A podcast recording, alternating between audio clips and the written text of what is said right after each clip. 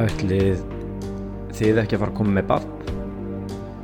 Þetta er algeng spurning og eh, á oftast fyllilega rétt á sér en hún getur verið fyrir okkur sem erum bak við tjöldin að berjast við ófrjósemi uh, svolítið óþægileg. Mér langar að segja ykkur núna frá því uh, hvernig og hvað þetta byrjaði allt saman. Uh, og svo hvernig ferlið var þegar ég greinist með mínu áfrjósemi. Og uh, svo höldum við áfram út frá því. Nú ég kynnist Söru, koninu minni árið 2009 og þeim tíma þá var ég frekar nýjútskrifaður úr flugskóla Íslands með flugmannsréttindi og ég var stór skuldugur eftir námið og bjóð á þessum tíma ennþá hjá mömmu með henni og lillusvistu minni. Ég var að vinna sem eh, sölumadur og dreifingaræðili á DFFD myndum uh, og um helgar þá kerði ég leigubíl til þess að ná endum saman. Uh, Sara var að vinna hjá Office One í kringlunni og við kynnumst þegar að ég var að koma með DFFD myndi þangað og það var eiginlega bara í minni fyrstu heimsók þar þar sem ég hitt hana að, að mér leist strax vel á hana og eftir nokkra vikur þá vorum við orðið kærustupar og byrjuð að búa í pínu lítilli stúdjóýbúð með einum glukka upp í seljakverfi. Þetta var svona eins og hjá ungu fólki oft fyrst um sinn svolítið hark. Ég var 27 ára og hún var 23 ára á þessum tíma. Nú, þegar við vorum búin að vera saman í rúmlega þrjú ár og búin að fá þessa spurningu ætli þið ekki að fara að koma með batni eða hvað uh, nokkru sinnum uh, enda kannski eins og segi eðlileg spurning frá vinum og fjölskyldu sem að vita ekkit hvað er í gangi bak við tjöldin nú á þessum tíma var ég búin að skipta um vinnu. Ég var að vinna upp á Keflavíkuflugvilli fyrir Iceland Express og ásamt tíð þá vann ég sem flugkennari hjá flugskóla Íslands.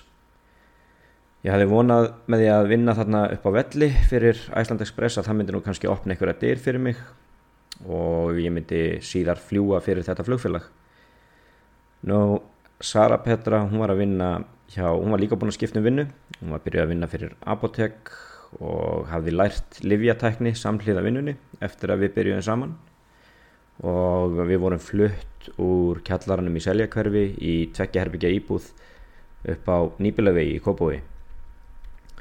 Eh, það var þarna þetta sumar sem að Sara ákvaða að koma mér á óvart á amælishelginni minni hún hefði leikt lítinn sumabústað á Vesturlandi og í þessari sumabústaðaferð að þá töluðum við svona í fyrsta skipti af einhverju alvöru en það hvort að við ættum að stopna fjölskyldu saman.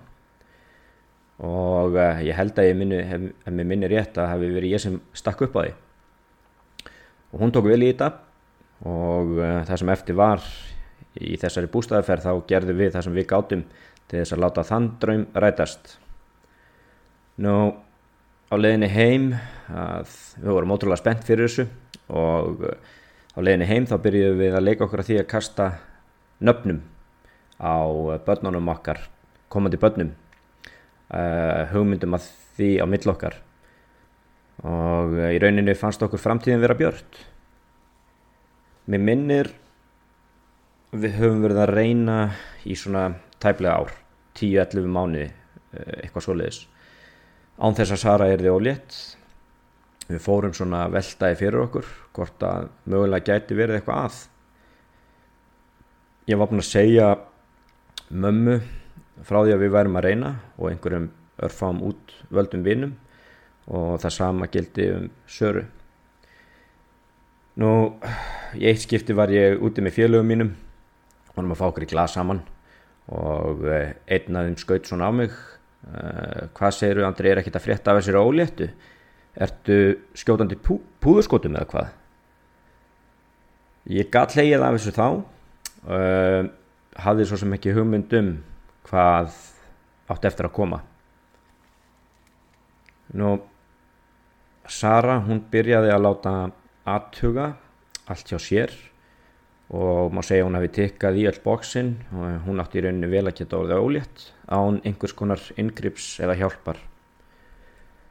Við höfðum aðeins eh, googlað ófrjóðsemismál þegar hún var í þessum rannsóknum komist að því að tilværi svo kölluð óskilgreynd ófrjóðsemi og það er þegar að ekki finnst nákvæm ástæða fyrir því akkurju par eða hjón get ekki eignast barn saman.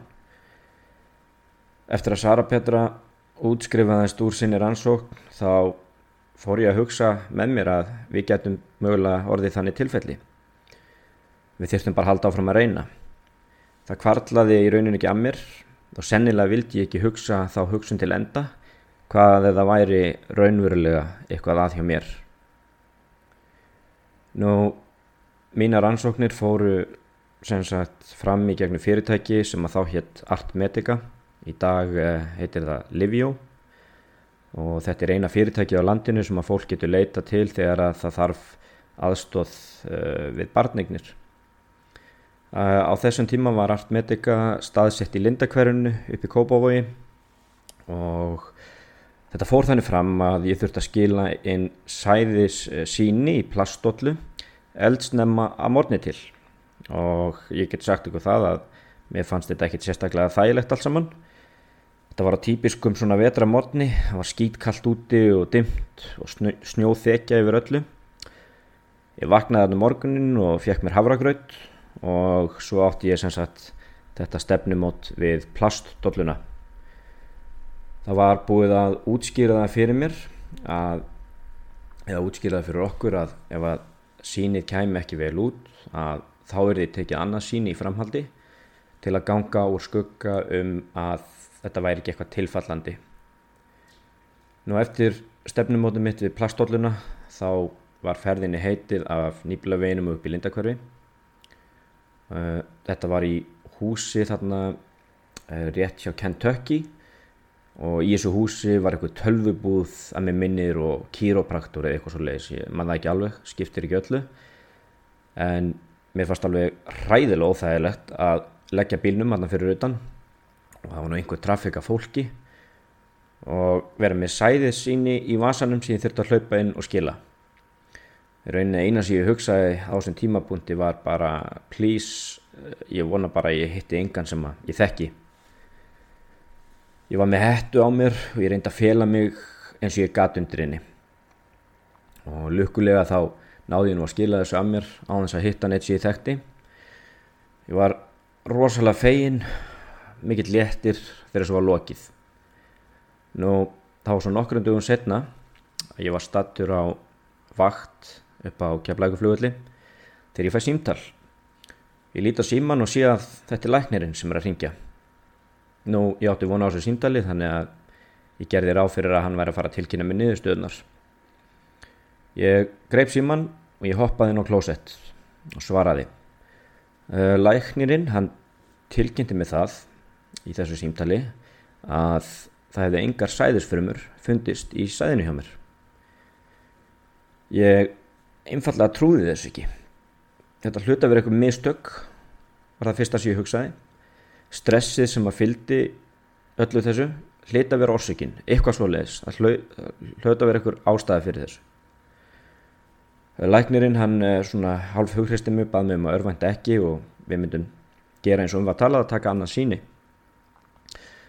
Það var að þarna inn á klósetti á vinnustafnum mínum þar sem að ég fekk þessa fréttir fyrst. Um, eftir símtalið þá fann ég fyrir tómleika og helst af öllu þá vildi ég bara gráta. Ég barðist við það að halda andliti, tók mér nokkra mínútur í að gýra mig upp og fara fram og klára vaktina. Nú eftir vaktina þá fór ég heim og ég beði eftir að Sara kemi heim úr sinni vinnu og saði henni frá þessu. Nú önnur umferð af síni skilum uh, var eiginlega bara eins og svo fyrsta.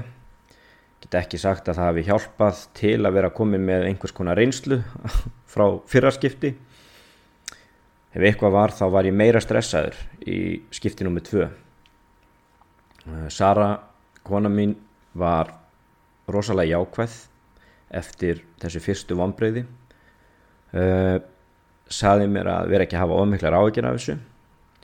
Uh, við myndum finna út þessu saman. Nú nokkrum dögum síðar þá ringir læknirinn aftur. Og í þetta skipti var ég ekki á vakt. Ég var einn heima á nýbilaveginum reyndar með kettinum okkar uh, ég stóð með síman í höndunum og ég dró andan djúft áður en ég svaraði. Þetta símtal var það mikilvægasta sem ég hafi fengið í lífinu. Mér fannst framtíminn velta á því. Ég svaraði og ég man svona frekar óljóst eftir því nákvæmlega hvað kom fram í þessu símtali nema ég man vel eftir þeim orðum sem að fjallu því miðurandri það fundust engar sáðfrömmur í sínunniðinu um, ég átti ekki sjens eftir þetta símtal. Ég greitt eins og lítið bann í öruglega yfir klukkutíma. Ég beigði aftur eftir að Sara kemi heim á vinnunni og það var augljóst fyrir hana þegar hún lappaði inn hún gæti lesið það strax á mér að ég var ekki með góða fréttir. Uh, við fjallum í faðum og við gretum bæði.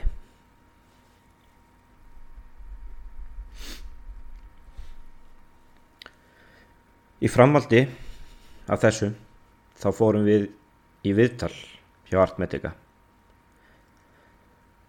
þar var okkur tilkynnt að það væri rauninni ekki öll von úti. Næsta skref væri að ég ætti að fara í svo kallaða ástungu. Ótrúlega þess að að þá er það eiginlega verra heldur en það hljómar. Með ástungu er stungið á eistað með nál og náð í vefja síni í þeirri von að þar finnist einhverja sáðfrömmur sem sagt sáðfrömmur sem að skiluðu sér ekki í sæðisvökva mínum. Uh, mér hafi fundist erfitt að taka stáð við að skila sæði sínu í plastollu fyrir þetta. Það má segja ef þetta hefði verið tölvuleikur þá var ég klárlega komin í næsta borð því að þetta tók á. Heyra læknin segja meðan ég láða þarna begnum jájá Andri, hér kemur stungan. Þetta verður smá vond ég er ekki viss um hvort þessi læknir uh, hafi sjálfur prófað að láta stinga á sitt eista. Uh, fyrir mér var þetta aðeins meira en smá vond uh, eftir ástunguna þá áttum við bókaðan viðtalstíma nokkrum dögum síðar þar sem farið yrði yfir niðurstöðunar þessi dagar fram að því viðtali þeir voru ekki auðveldir. Eh, ég hugsaði um lítið annað og ég byrjaði mikið að veltaði fyrir mér. Hvað ef ég get ekki eignast barn? Hvers konar líf býður mín hvers konar líf býður okkar söru við þráðum það svo heitt að eignast barn saman. Ég hefði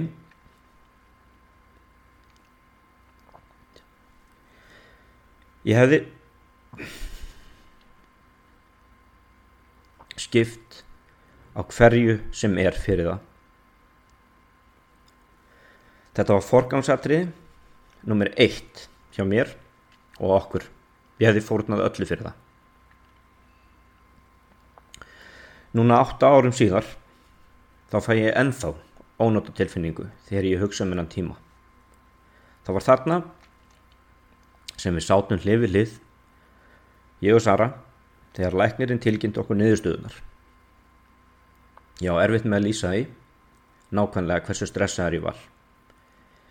Mér leið eins og allt væri undir. Mér leið eins og ég hefði gert eitthvað af mér og það sæti dómari í sæti fyrir fram að mig í sakamáli. Þegar hann tilkynnti mér að því miður hefðu ekki fundist sáðfrömmur sem að hægt væri að nota. Það hefðu fundist sáðfrömmur í síninu en þær voru hins vegar þannig að þær voru hálf vanþróska og því ekki hægt að nota. Það er við smásjárfrjókun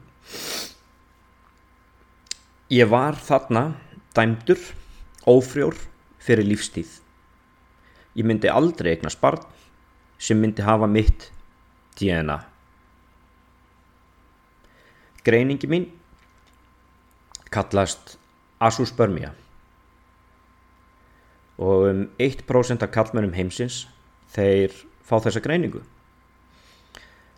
asuspermia þýðir hins vegar ekki alltaf að ekki sé hægt að nota sáðfrömmur hjá viðkomandi. Eh, það eru til mismunandi undirflokkar asuspermiu en í mínu tilfelli var ekki hægt að nota frumurnar í rauninni er hægt að segja að þær sem sáist voru ósyndar. Ég man lítið sem ekkert eftir bílferðinni heim og í næstu dagar það var bara algjört blackout. Ég hafði samband við yfirmanni minn og sagði hann um að ég yrði að fá frí vegna persónulegra aðstæðna. Ég var bara ekki fungerandi ég svaf lítið sem ekki neitt og ég hafði ynga matalist ég lagðist í alveg meiri háttar sjálfsvorkun. Ég tók ekkert tillit til þess hvaða áhrif þetta hefði á konuna mína. Ég gati ekki hugsa svo langt. Ég var bara að horfa á hvað þetta var að gera mér. En á sama tíma þá var ég með svo mikið samviskubitt og mér leið ömurlega að halda henni í sambandi með mér mér fannst ég ekki hafa neitt rétt á því að vera með henni það var ég sem var vandamálið hún gæti eignast barn með einhverjum öðrum ég sagði henni inn í stofu á nýbelaveginum að ég vildi slíta sambandinu og hún hefði ekkert um það að segja. Svo strunsaði ég inn í herbergi og lokaði á eftir mér. Það liðu nokkra mínútur þanga til að hún kom á eftir mér inn í herbergi. Ég hafði aldrei hýrt hana jafn reyða og þá. Þegar hún saði við mig Andri, ekki voga þér að segja þetta nokkuð tíman við mig aftur. Við erum saman í þessu. Ef ég get ekki eignast fjölskyldu með þér þá vil ég ekki eignast fjölskyldu. Þú ert fjölskylda mín. Með konunum mína Söru verði ég að segja. Takk Sara Petra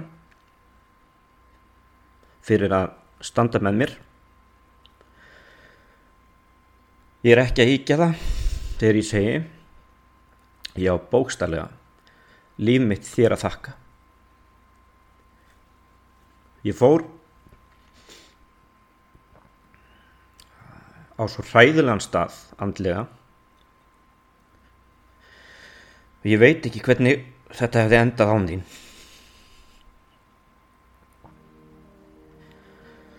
Það sem ég læriði á þessum tíma var það að lífið er það sem stundu gerist þegar við erum upptökinn við að gera önnu plön Ég heiti Andri Rapp. Ég og kona mín erum 1 og 6.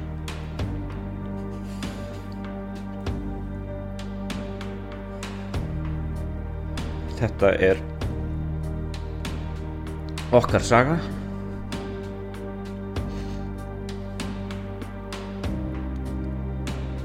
Ásakið. Takk fyrir að hlusta.